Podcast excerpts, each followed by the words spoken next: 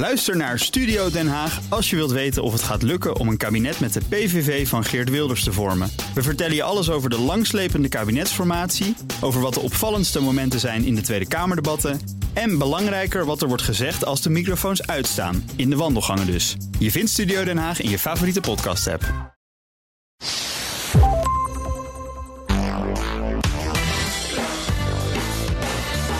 Welkom bij de Ben Tichelaar podcast bij BNR, de podcast over persoonlijk leiderschap. Elke week hebben we nieuwe tips en inzichten van zeer inspirerende gasten die je helpen om je verder te ontwikkelen in je werk en de rest van je leven. Mijn naam is Ben Tichelaar en mijn gast in deze aflevering is Ajit Bakas. Ajit, welkom. Wat mooi dat je, er bent. Ja, ik vind het echt heel erg leuk dat je er bent. Je bent verreweg de bekendste trendwatcher van Nederland. Uh, jaarlijks geef je, nou ja, wat is het? Tientallen lezingen. Verleden is wel eens honderden lezingen, geloof ik, per jaar. Ja, nu iets minder. Ik heb nu mijn de werktempo wordt gesurinamiseerd. Gesurinamiseerd. maar in binnen- en buitenland. Hè? Ja. Je komt net terug uit Korea, hoorde ik. Ben, ik heb, ben gisteren teruggekomen uit Zuid-Korea. Dus ik ben nog even aan het bijkomen. Ja, wauw. Nou, ik vind het geweldig dat je er bent. Je hebt een hele hoop boeken ook geschreven. Een paar titels noem ik even. De toekomst van de liefde. De toekomst van werk. De New Renaissance. Er is eigenlijk geen trendgebied, zou je bijna kunnen zeggen, waar je nog niet over hebt geschreven. Of is er nog een soort wens dat je denkt, oh, de trends op dat gebied, dat, dan moet ik echt nog een keer induiken? Nou ja, kijk, het, het voordeel is dat ik tegenwoordig mijn boeken inspreek. Dus dan, uh, en met uh, artificiële intelligentie worden gesproken teksten, uh, geschreven teksten. Dus ik heb er nu, ik kom er deze maand met drie tegelijk. Drie nieuwe boeken. Ja. Me Megatrends China, want ik had zoiets van, ik, ik heb zijdelings in al mijn boeken wel eens wat over China geschreven, maar ik was er nog nooit helemaal ingedoken. Oké. Okay. Dus daar vond ik, ik vond van, nou, ik moet er nu toch eens even helemaal in duiken. Wat gaat er dan gebeuren en wat heeft dat voor gevolgen voor ons? Dus dat is het eerste boek, maar ik zag dat er ook een biografie van jou aankomt. Hè? Ja. Ver, Vermetel heet Vermetel, ja. Inge, ingeleid door Bolkestein. Dat is de man die mij ontdekt heeft in de tijd. Dus wow. dat is een beetje mijn intellectuele peetvader. Dus. Geweldig, wat mooi. Maar dat is, dat is eigenlijk jouw, jouw eigen persoonlijke geschiedenis. Gaan we het zo nog wel even over hebben. En dan nog een derde boek dus. Maar mijn persoonlijke geschiedenis zit vol met gewoon uh, levenslessen. Dus het is ook een beetje van. Uh, van uh, dus het is niet alleen geschiedenis. Ik heb gewoon echt over. Ik heb het gewoon. Het is een beetje een managementboek geworden, toch? Met allemaal van. wat heeft dat voor gevolgen? En wat heb je ervan geleerd? Wat leer je bijvoorbeeld van tegenslagen? Of wat leer je van migratie? Of wat leer je van.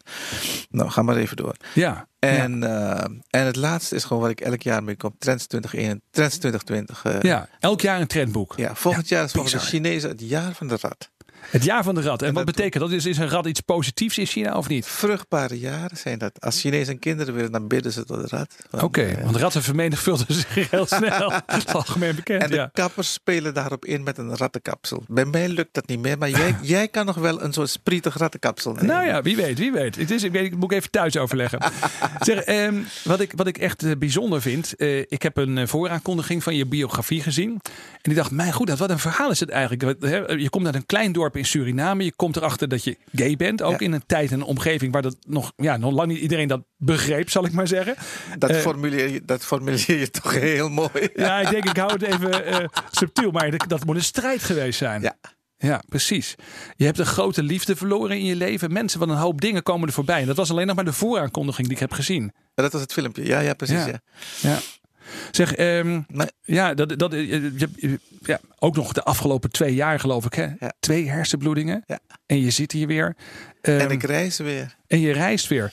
Uh, wat, wat is de reden geweest om dat allemaal op te gaan schrijven? Dat ben ik nog wel even benieuwd naar voordat we naar allerlei andere vragen zijn. Maar wat is de reden voor jou geweest om dat nu op te schrijven, ook in een biografie? Want dat zijn nogal wat dingen die je ook deelt zo, met mensen. Omdat ik er zoveel van heb geleerd.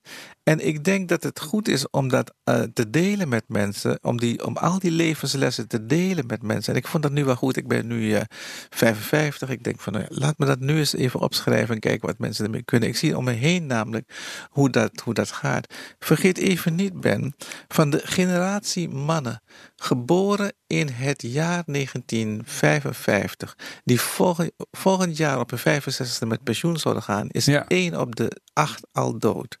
Dat Die heeft het helemaal Ja. niet gehaald. En, eh, eh, en dat is omdat mensen work-life balance niet goed organiseren. Niet goed met allerlei dingen kunnen omgaan. Ook met ziekte, verdriet en ga maar door. En ik wilde gewoon mensen meegeven van joh, ga zitten op kwaliteit van leven. Ga dat nou eens goed organiseren. Ik ben net terug uit Zuid-Korea. Daar zijn mensen alleen maar aan het werken. Wat ik Ja. goed begrijp hoor. Want eh, op het eind van de Korea-oorlog waren ze straatarm. Maar alleen maar werken, werken, werken. En ik denk ook van jongens, laat eens even kijken of ik mensen wat kan leren. Bijvoorbeeld ook over rouwverwerking. We zijn nu, eh, eh, 50 plus. Dus ben, je, Ja. ben je ook 50 plus? Eh, net. Nou ja, Net. ik ben 50. Dus ik ben nog net niet plus en ook niet min. Dan Zeg maar. Ik zit er precies Maar op. Dan, Ja. dan, dat is toch een leeftijd waarin je dan toch ziet, daar heb je al, allemaal wel eens een keer iemand verloren waar je van gehouden hebt. En rouwverwerking, mensen gaan daar vaak zo slecht mee om. En ik denk van, nou ja, laat me eens even kijken wat ik ervan heb geleerd en kijken of mensen er wat aan kunnen hebben. Bijzonder. Dus ook een echt een heel ander boek dan wat je tot nu toe hebt geschreven. Ja. En een heel persoonlijk boek dus Het ook. is heel persoonlijk, ja. Ja, als je, als we, ik, ik vraag bijna allemaal gasten hier wat nou iets is wat ze hebben meegemaakt in hun leven. Of iets wat ze hebben geleerd, een inzicht waarvan ze zeggen dat heeft echt iets veranderd bij mij. Dat zullen bij jou misschien wel talloze dingen zijn. Maar als je, als je, nou, als je nou iets zou moeten noemen, wat heeft nou jouw manier van leven, jouw manier van werken veranderd? Immigreren naar Nederland. Ja, Het is echt, het is echt, eh, het is echt eh, kijk, als je vanuit Suriname naar Nederland komt, dan gaat hier echt een wereld voor je open. Het is echt zo totaal anders. Maar het is echt gewoon een fantastisch land. ja. Nou ja, ik ben recent zelf in Suriname geweest om daar te werken. Dat vond ik trouwens ook een fantastische belevenis. maar, maar, maar even terug, want, wat, wat, Met- hoe oud was je toen je hier naartoe kwam? 18. 18, Maar oké, om te ik- studeren. Ja. Ja. Maar ik zeg altijd, Suriname is het land van de toekomst en dat zal het altijd blijven. Ja, Het, het, het schiet niet echt op. Dat dat is ook een trieste constatering eigenlijk. Ja. Ja. Ja, Maar ze hebben er wel lol en ze kunnen goed feestjes bouwen. ja, ja, en dat heb jij meegenomen hier naartoe. Eh, wat, wat, wat is er anders geworden in jouw leven? Ja, misschien wel heel veel dingen, maar kun je eens een paar dingen eruit lichten waarvan je zegt dat heeft echt eh, voor mij een verandering betekend? Nou, even kijken. Ik ben eh, in Nederland opgevangen door een gepensioneerde kolonel. En die heeft mij eigenlijk, die was eigenlijk een beetje, een beetje- beetje geadopteerd en een beetje gewoon eh, ingeburgerd. En dat was wel heel erg leuk. Want voor het eerst werd ik geconfronteerd met militair denken. En als je het hebt over leiderschap, militair Ja. leiderschap is iets anders dan eh, in de burgermaatschappij. En ik heb zoveel van die man geleerd, maar ik heb, hij heeft mij ook echt allemaal dingen verteld hoe dat nou was. Om als Nederlands militair uitgezonden te worden naar Indonesië, naar Korea, naar Suriname en ga maar door. Die man heeft me ontzettend veel geleerd. En ook dingen die je nu nog misschien in je werk gebruikt? Op zich wel, ja. kun, je, kun je een voorbeeld geven? Hij heeft me bijvoorbeeld ook geleerd hoe je op een receptie de juiste mensen eh, eh, door hebt. En dat je ook inderdaad, hoe je ook inderdaad op een goede manier weer verder gaat naar de volgende. Ja, dat zijn hele praktische dingen. Dat zijn Die- van die hele Ja. praktische Er zijn mensen die zijn, zijn op onze leeftijd, die moeten daar nog cursussen in volgen. Ja, ja. Maar, maar dan ga maar even verder. Want hoe doe je dat dan? Dat wil ik wel weten. Als jij op een receptie bent, hoe pak je dat aan dan? Nou ja, dat geef je dus inderdaad de hand. En dan met de andere hand ga je inderdaad op de linkerschouder. En dan begin je al een draai te maken. Een soort halve draai. Dat is eh, dat soort dingen. Maar dat, dat heeft. Kijk, hij was. eh, toen ik hem leerde kennen, was hij militair commandant van Noord-Holland. Eh, dat klinkt mooi, maar hier wordt niet gevochten. Dus hij, was, hij zei altijd: Ik ben jullie nationale borreltijger. Nationale borreltijger. Dus hij liep overal en hij had een enorm netwerk van militairen in het bedrijfsleven. En dat heb ik nooit geweten. Maar in het bedrijfsleven zijn er heel veel ex-militairen. Ja, ja. Die hebben ook een eigen club, Mars en Mercurius. God van het geld en God van de oorlog. En, die hebben, en ik heb dus ook voor die militairen opgetreden. Die zitten echt overal. Heel interessant. Voor Ja. jou mooi nog onderwerp. Misschien zou jij eens een keer een boek of een over militair leiderschap in de burgermaatschappij. Nou, dat, dat noteren we even. Maar wel heel leuk. Dat is echt een belangrijke learning voor je geweest. Absoluut. Heel recent, ik zag een interview met jou. eh, dat was gedaan voor het tijdschrift van VNO-NCW. En daar ben je ook heel openhartig over de hersenbloedingen die je hebt gehad. En over hoe je, nou ja, zoals je het zelf eh, ook letterlijk zegt. En bijna uit de as weer bent herrezen. Ja. ja ehm, zo ervaar je dat ook echt. Dat je een soort nieuwe start hebt gemaakt. Nou ja, ik, ik ben er genadig van afgekomen, joh. Ik was helemaal verlamd, ik kon helemaal niks.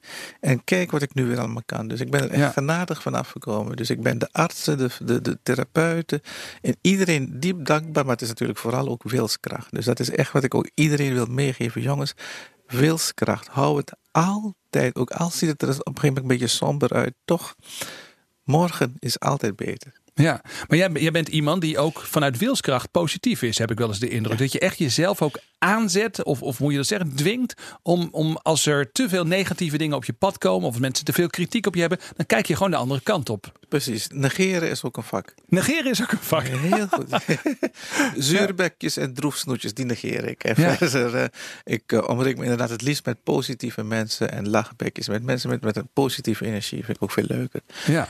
Ja. Kijk, hoeveel jaren geleden kwamen wij elkaar al voor het eerst tegen? En we hebben gewoon altijd leuk met elkaar. En Ja, dat is waar. Geen Ja. gedoe en niks. Dat is, dat is toch leuk? Nou ja, dat maakt het wel leuk om jou hier vandaag te gast te hebben. Dat maakt het leuk om met elkaar ook iets voor te bereiden eraan. Maar ik kan me ook voorstellen dat bijvoorbeeld zo'n, zo'n, zo'n nou ja, twee hersenbloedingen. Het is natuurlijk bizar eh, dat iemand dat overkomt en dat je hier nu ook weer zit. Maar wat ben je nou echt heel anders gaan doen dan daarvoor? Ben je echt bijvoorbeeld substantieel minder gaan werken? Ja. Oké. Ja, ik ben substantieel minder gaan werken. En bijvoorbeeld wat nu echt anders is, is dat ik mijn boeken inspreek. Ja. Omdat ik aan de linkerkant verlapt ben. Dus ik typ makkelijker. eh, ik kan wel met één hand wel typen. Maar het inspreken is toch veel makkelijker. En ik wist al wel langer dat je met artificiële intelligentie veel meer kunt doen. Maar nu doe ik het ook echt. Ja, ja. Ik heb wel eens gehoord, ik heb eens even tussendoor, hè, is ook leuk voor, lu- luisteraars. Ik heb begrepen dat Winston Churchill was natuurlijk een, een veelschrijver. Naast zijn politieke werk eh, heeft hij ontzettend veel geschreven. Maar die sprak ook alles in. Die dicteerde, of het sprak niet in, die dicteerde eigenlijk. Die dicteerde zijn boeken.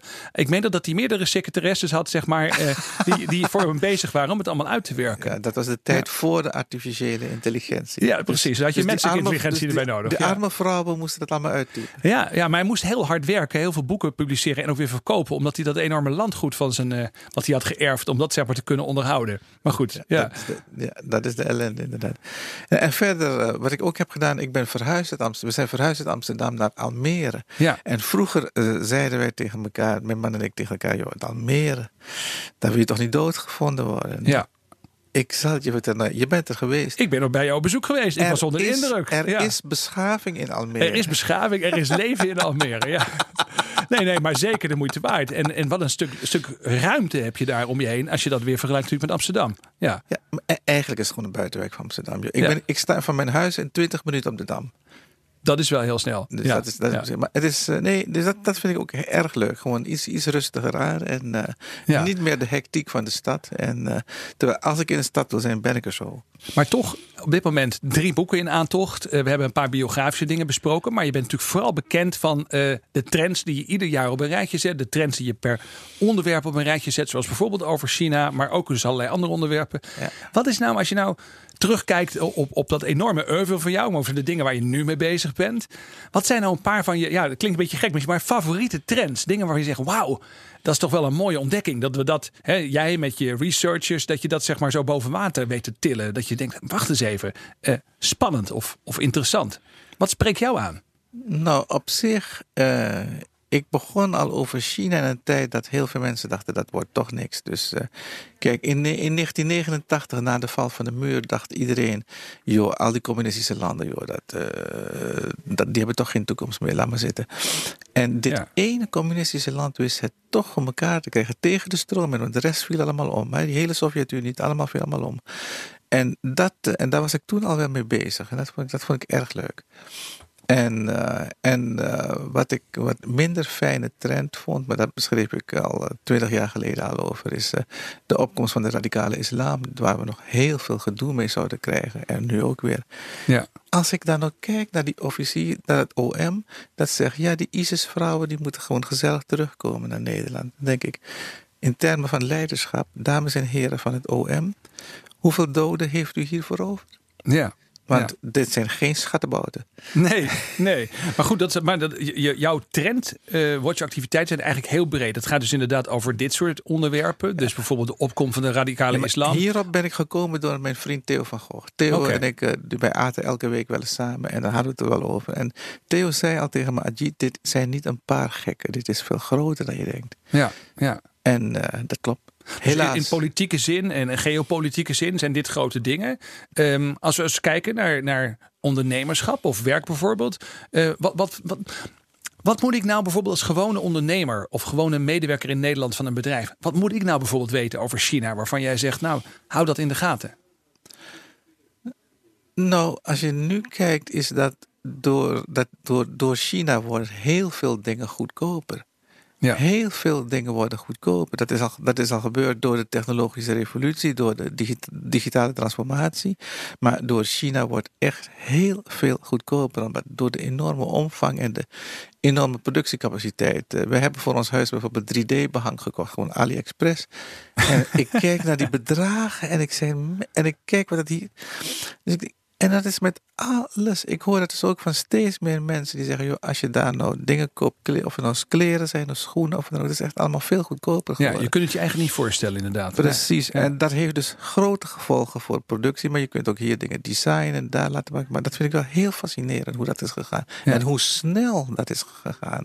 En dan zou je dus eigenlijk kunnen zeggen, als je hier in Nederland als ondernemer nog uh, kijkt naar het prijsniveau wat jij denkt te kunnen realiseren, dat, dat kan je dus op een gegeven moment vast, vaak niet meer volhouden. Bedoel je dat te zeggen? Of? Precies. Ja. En dan moet je dus gewoon even bedenken of je niet wat anders moet gaan doen. Of dat je. Of, maar dat, is, dat, is, dat, dat prijsniveau hou je niet meer vol.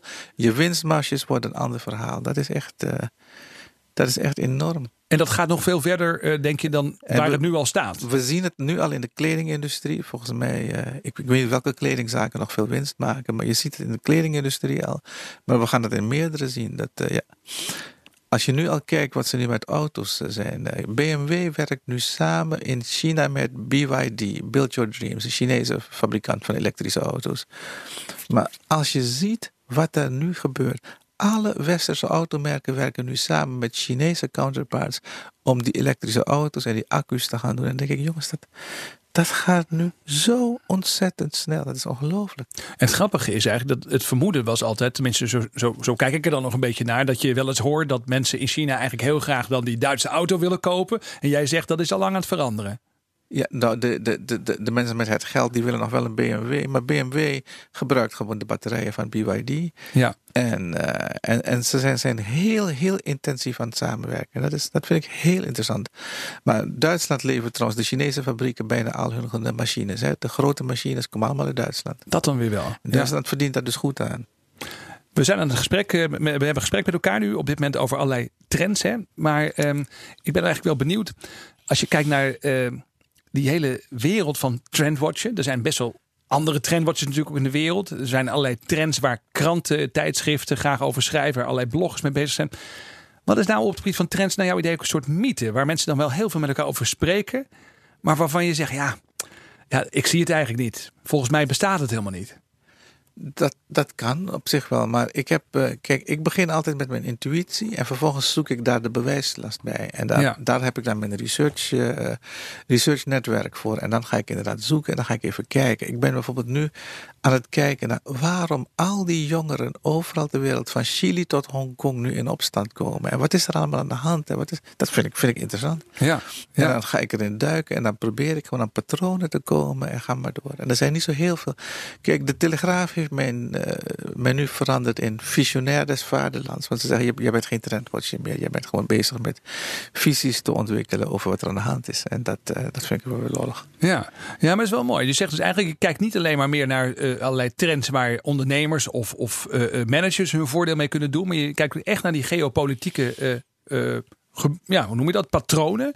En dan, en dan ga je dus researchen met een groep van researchers. Hoe werkt dat? Hoe ga je dan uh, erachter komen wat dan zeg maar de patronen zijn in jouw idee? Wat is de, de manier waarop, wat is de methode Bakkas, zal ik maar zeggen? Nou, ik, uh, uh, sowieso, ik reis, ik reis heel graag. Ik wil het gewoon echt sowieso ter plekke wil ik heel veel, heel veel opsnuiven en met mensen praten. Dat maakt altijd heel veel uit liever van mensen zelf die er zijn en die er, die er midden in zijn dingen horen. Dat maakt altijd veel uit. En uh, en verder uh, verbind ik verschillende uh, dingen. Ik, heb, uh, ik krijg veel van, van, van McKinsey tot JP Morgan, maar overal en van universiteiten. En, maar mijn uniek is dat ik een generalist ben. Kijk, de meeste rapporten zijn van specialisten. Ja. Van een bank is meestal financieel gericht, van een McKinsey is meestal business gericht, van een, een, een, een socioloog is sociologisch gericht. En ik ben de generalist die die dingen bij elkaar brengt en dan kan je hele andere patronen zien dan specialisten zien. Ja, zometeen gaan we verder met een gesprek met Ajit Bakas, maar eerst even een boodschap tussendoor.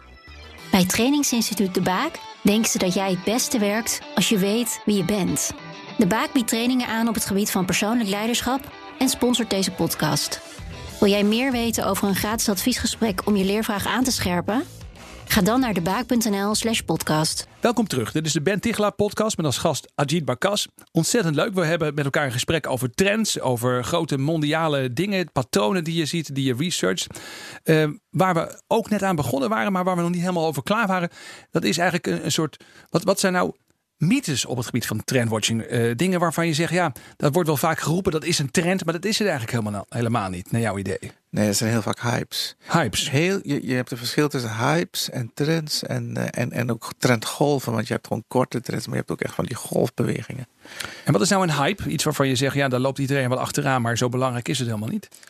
Nou ja, dat, uh, de kleur spijkerbroek of de, de kleur overhemd of dat soort, uh, dat soort dingen. Dat, is, uh, dat vind je niet interessant? Daar hou ik me niet zo mee bezig, nee. nee. nee andere mensen zijn daar goed in en dat is prima dat ze dat kunnen. Maar ik ben, dat is voor mij wat minder interessant. Ja, dus het gaat jou meer om de lange beweging, de ik, grote beweging. Precies, ik vind die langere golfbewegingen die vind ik veel interessanter. Wat zijn dan bewegingen waarvan je zegt, ehm, dat is nou typisch iets, dat zie jij dan al wel? En andere mensen die, die, die negeren dat nog? Nou, wat je nu ziet, dat heb je in de geschiedenis wel vaker gezien, dat als een cultuur op zijn hoogtepunt is, dat er altijd een aantal mensen binnen die cultuur zijn die een doodscultus ontwikkelen. En dat zie je nu op dit moment. Er is nu een upper middle class white doodcultus aan het ontstaan in het Westen, vooral in Europa. Wat bedoel je met een doodscultus? Want dat moet je echt even uitleggen voor een leek, denk ik, als, een, zoals ik. Een, een doodscultus is dat je eigenlijk de vooruit, dat je afkeert van de vooruitgang en weer terug uh, en weer terug wil. En dat je eigenlijk afscheid neemt van je verworvenheden. Oké. Okay. En dat zie en, je en, bijvoorbeeld bij zo'n club als Extinction Rebellion. Okay. Die zegt van uh, nee, niet meer vliegen. Het, is, het begint met vliegschaamte en het gaat nu verder naar consumptieschaamte. En dan denk ik, ja, consumptieschaamte, jongen, dan start de hele economie in elkaar, maar dan kopen we niks meer. Ja. En dan gaat het dus verder. Vliegschaamte, doucheschaamte en daarna gaat het allemaal weer verder. En, uh, en dat is eigenlijk, en dan kijk ik weer terug naar Paaseiland, waar ik ben geweest, wat op zijn hoogtepunt ook zo'n soort uh, doodscultus ontwikkelde. En dat heb je al vaker in Egypte, heb je dat gehad. De Indianen in Zuid-Amerika, hetzelfde verhaal. En dat vind ik heel fascinerend. Want het Westen heeft echt alles in zich om nu inderdaad verder te gaan groeien en, een nog mooiere toekomst te doen. We hebben het fantastisch voor elkaar. Dus jij, jij gelooft eigenlijk dat dat. Um dat misschien wel door alle negatieve bijeffecten die we zien van het kapitalisme, eh, dat er inderdaad mensen opstaan, dat er zo'n soort cultus, zoals je het noemt, een doodscultus ontstaat, waarbij mensen zeggen van nou, uh, die gooi eigenlijk het kind met het badwater weg, die gooien alle verworvenheden ineens weg. Precies, want ja. kijk, het kapitalisme heeft natuurlijk wat foutjes, maar je kunt, dat, je kunt die foutjes wel weg, wegpoetsen en wegveilen en je kunt het gewoon een, gaan reframen en opnieuw gaan uitvinden. Dat is niet zo erg. Maar kijk even naar de feiten. Als je nou kijkt, en dat het leuke vind ik, in Azië zijn mensen veel optimistischer. Ik, uh, de afgelopen 25 jaar hebben 1 miljard mensen de armoede achter zich kunnen laten. Dankzij een combinatie van kapitalisme, globalisering, de liberale wereldorde en fossiele brandstoffen. En die mix. En er zijn nog 5 miljard mensen die dat ook willen. Ja. En degene die dan de de, de top van die piramide hebben bereikt, daar zegt er nu een deel van. Nou, gaan we het toch maar niet meer doen. Oké. Okay. En eigenlijk is het een soort, soort, je zou bijna kunnen zeggen dat het een soort verwende reactie is? Ja, eigenlijk wel. Ja. En als ik dan in Azië kom, of ik, ik was vorige maand moest ik in Nigeria spreken. En de mensen zeggen dan, wat is dit? De hele wereld stapt over op gas. En Nederland is het enige land ter wereld dat stopt met gas. Omdat we het, de wereld moeten redden. Ja, maar ja, ja precies. Ja. Maar vertel eens even, aan de andere kant geldt natuurlijk wel, laten we eerlijk zijn. Ik heb hier verschillende gasten gehad die bijvoorbeeld ook hebben gesproken over wat serieus eh, zeg maar, er aan de hand is op het gebied van, van klimaat. Um, jij ontkent toch nog niet dat er heel veel problemen op dat gebied zijn die echt opgelost moeten worden? Nee, maar die moeten we gaan oplossen met slimme oplossingen. Uh, adapt. En het aardige is, ik. Uh, ik kreeg, een, ik kreeg krantenknipsels uit Amerika uit 1910 over opwarming van de aarde. Toen al stonden de kranten er vol van. Het is allemaal begonnen met de industriële revolutie. Voor de industriële revolutie was het inderdaad allemaal oké. maar vanaf het moment dat we fabrieken begonnen te bouwen, vliegen, auto rijden, ga maar door. Toen begon het op te warmen, maar toen begon de wereldbevolking ook te groeien van 2 miljard mensen toen naar 7 miljard nu. Ja. En dat is dus wat er, wat, wat begon te gebeuren. Maar toen al in de jaren twintig werden al oplossingen bedacht voor de opwarming van de aarde. En één daarvan, dat vind ik heel erg aardig. Dat is, eh, de BBC heeft een paar jaar geleden een competitie georganiseerd onder de knapste mensen ter wereld. Dat zijn de Nobelprijswinnaars die nu nog leven. Mhm. En toen vroegen ze, jongens, wat is de oplossing? Als het nu nog, het is de afgelopen honderd jaar één graad warmer geworden en de wereldbevolking is gegroeid van 2 naar 7 miljard. Dus voor ons is het goed. Beestjes gaan dood, maar dieren incarneren wel weer. Maar de VN zegt het gaat nu 1 tot 2 graden omhoog de komende 100 jaar. Maar de wereldbevolking groeit naar 10 miljard in 2050. En dat gaat problemen geven. Ja, nee, want op, ja, natuurlijk. En de, die, die, die, die Nobelprijswinnaars bedachten gewoon, weet je wat je dan moet doen? Dat is een hele batterij. Dat noemen ze geo, geoengineering. Mhm. En dat is dus eigenlijk dat je op allerlei manieren moet gaan proberen die warmte af te dekken.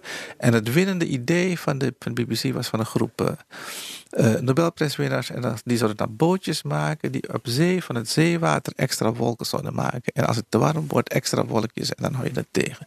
Er zijn weer anderen die hadden gewoon, die wilden zwavel in de atmosfeer spuiten. Zodat je, net als met na een vulkaanuitbarsting, dan wordt het daarna ook weer koeler. Dus het betekent eigenlijk is het idee, omdat we nu met elkaar blijkbaar als mens in staat zijn de aarde op te warmen, moeten er ook ideeën genoeg zijn om de aarde weer af te koelen, zeg maar. Dat, dat die- is en die de achtergrond van het idee, ja. En die zijn er al honderd jaar. En die zijn er nu opnieuw weer. Overal zijn er allemaal knappe koppen bezig. We moeten ons gewoon aanpassen. Er zijn nu ingenieurs die hebben voor bijvoorbeeld voor Jakarta eh, een, heel, een heel ding met kunstmatige eilanden en dammen en dijken allemaal bedacht om ervoor te zorgen dat Jakarta geen last meer heeft van tsunamis zo meteen. ja. En dat, dat, dat is wat ik bedoel. We Je, zou kunnen zeggen dat we hier in Nederland al eh, in ieder geval eh, sinds het Deltaplan en waarschijnlijk ook daarvoor al de polders, hè, de oude polders, zijn honderden jaren oud, dat wij al heel veel ervaring hebben op het gebied van, eh, Ja. hoe noem je dat? Geoengineering? Ja. Precies. Ja. We, we have to adapt. We moeten ons aanpassen. We houden het niet tegen. Het is zoals het is. Als we het tegen willen houden, dan moet je gewoon 7 miljard, 6 miljard mensen uitroeien en terug naar de wereld van 1850 zonder fabrieken. Maar eh, Dat is niet echt een optie. dat is geen optie. Maar Nee. dus daarom zeg ik ook, jongens, aanpassen, aanpassen en blijf optimistisch. Blijf optimistisch. Want wij mensen, wij zijn echt, wij zijn het knapste beest op aarde. Wij kunnen dat allemaal wel aan. Jij hebt daar vertrouwen in. Absoluut. Ja. Hoe wordt erop gereageerd als je dit bijvoorbeeld vertelt op internationale podia? Want je komt op veel plekken, je vertelt dus net, net terug uit Azië. Eh, deel je dan dit soort ideeën ook met mensen daar? Ja, en die herkennen dat ook wel. Want eh, zeker in Azië zijn mensen echt eh, enorm optimistisch over de toekomst. En ze willen gewoon echt vooruit. En, eh, en, en dit soort ideeën, dat vinden ze ontzettend leuk. Oké, boeiend, dankjewel. Hey, ehm, we zijn alweer aanbeland bij bijna de laatste vraag. En dat is altijd een verrassende vraag, ook een verrassing voor mij. Eh, ik heb eh, 15 verrassende vragen, die zitten in enveloppen. En ik wil aan jou vragen om een nummer te noemen, van 1 tot en met 15, waarvan je zegt, doe me die maar. Nou, doe maar zes. Doe maar 6. Ga ik even kijken. Ehm, ja, oké, hier, ja, ik heb hem hier. Ja. Nummer 6. Je hebt opeens een dag vrij en je mag niet aan het werk. Wat ga je doen?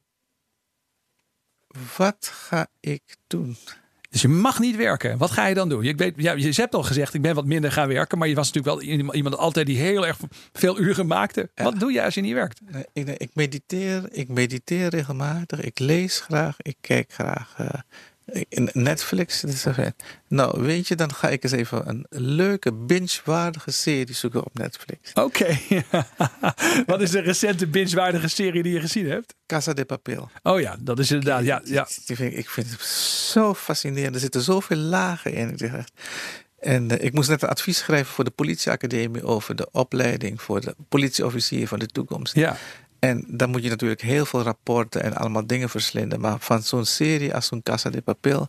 Daar, eh, en ook ik, welke ik ook heel mooi vond, die over de burgemeester van Marseille, die serie Marseille. Oh ja, met Sharon Depardieu is dat. Hè? Ja, ja, die heb ik dan weer niet gezien. Ja. je- die, moet je, die moet je echt nog een keer gaan zien. Hij is wel heel langzaam, is heel traag. Hè? Frans gemaakt, heel traag en zo. Maar, maar van dat soort dingen leer je ook weer veel die je dan in je werk weer kan gebruiken. Maar dat het heeft ook met een creatieve geest te maken. Jij verbindt dat dus allemaal met elkaar. Dus eigenlijk, als, als ik nou zeg tegen jou, je mag niet werken, dan ga je binge-watchen, maar stiekem toch weer die dingen aan werk verbinden. Dat is wat Nou je doet. ik sla Ja. ergens achter in het hoofdje op. En op het moment dat het nodig is dat het weer naar boven moet opgepopt worden, dan popt het wel weer op. Ja, dus maar eigenlijk zeg je, eh, mensen die zeg maar moeten worden getraind als politieagent in Nederland om leiding te gaan geven, die moeten eerst maar eens Casa de Papel kijken op Netflix. Daar komt het op neer.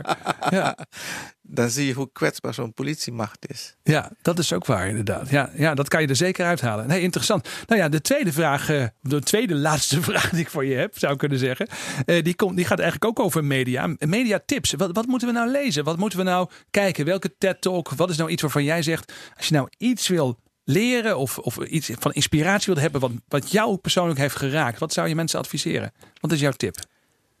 Nou, ik, ik volg hele rare bronnen van, van, van, van, van China tot, uh, tot in Amerika. Maar op zich, uh, ik zou er nu niet zo 1, 2, 3 eentje, uh, eentje weten. Er is ook omdat ze niet altijd even stabiele informatie geven. Maar ik, ik heb bijvoorbeeld in Amerika heb je zo'n site die heet Zero Hedge en daar staan soms interessante dingen op. Uh, Zero Hedge, hoe schrijf je dat? Zero Hedge. En die kreeg ik door van de economen van het economisch bureau van ABN AMRO. En die okay. zeiden, Ajit, dan moet je eens kijken. Dan dus, hedge zoals in een hedge fund, zeg maar. Oké, okay, Zero Hedge. Ajit, ja. er staat soms rommel op, maar er staan soms best goede dingen op. En, uh, en daar haal ik zo af en toe wel leuke dingen uit. Dat klopt. Grappig, ja. En, en, en bijvoorbeeld wat ik wel eens uh, vroeger eens heb bekeken... als het dan gaat over trendwatching of technologieontwikkelingen... heb je sites als The Futurist en dat soort dingen. Maar kijk je daar ook op? Ben je, kijk je ook wat collega-trendwatches zeg maar, over de wereld allemaal doen? Je hebt, nou ja, je hebt digitaltrends.com. Uh, dat is ook een hele aardige. Want die digitalisering vind ik heel fascinerend. Maar, Digitaltrends.com. Maar weet je, ik kijk de meeste patenten per jaar zijn van IBM en Samsung. En ik krijg dat rechtstreeks van ze. Dus ik krijg rechtstreeks van hun technologiedirecties... krijg ik gewoon waar de nieuwe patenten voor komen... en waar nieuwe dingen voor komen. Dat vind ik gewoon leuk. Ja, maar dat is, dat is dus eigenlijk een soort feed voor jou... om, om te weten van wat gaat er allemaal gebeuren in de wereld. Ik krijg het gewoon rechtstreeks van die bedrijven. Dus daar hoef ik, niet voor, daar hoef ik geen media voor op te zoeken. Ja, ik snap het. Ja. Ja. En voor de rest moeten we dus allemaal Casa de Papel kijken. Ja, onder andere, ja. Onder andere. Uh, ja, precies. Ja. En, uh, en, en Marseille. En Marseille, ja, top. Hey, heel erg bedankt, Ajit. Ontzettend fijn dat je hier wilde zijn vandaag en dat je je kennis met ons wilde delen. Uh, dit was de Ben Tichelaar podcast bij BNR met als gast Ajit Bakas. Vond je dit interessant? Check dan ook mijn andere podcasts op www.bnr.nl slash.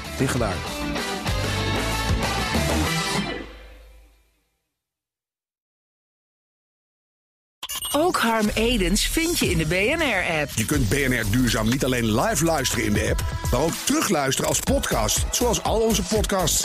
En naast dat de BNR-app Breaking News meldt, houden we je ook op de hoogte van het laatste zakelijke nieuws. Download nu de gratis BNR-app en blijf scherp.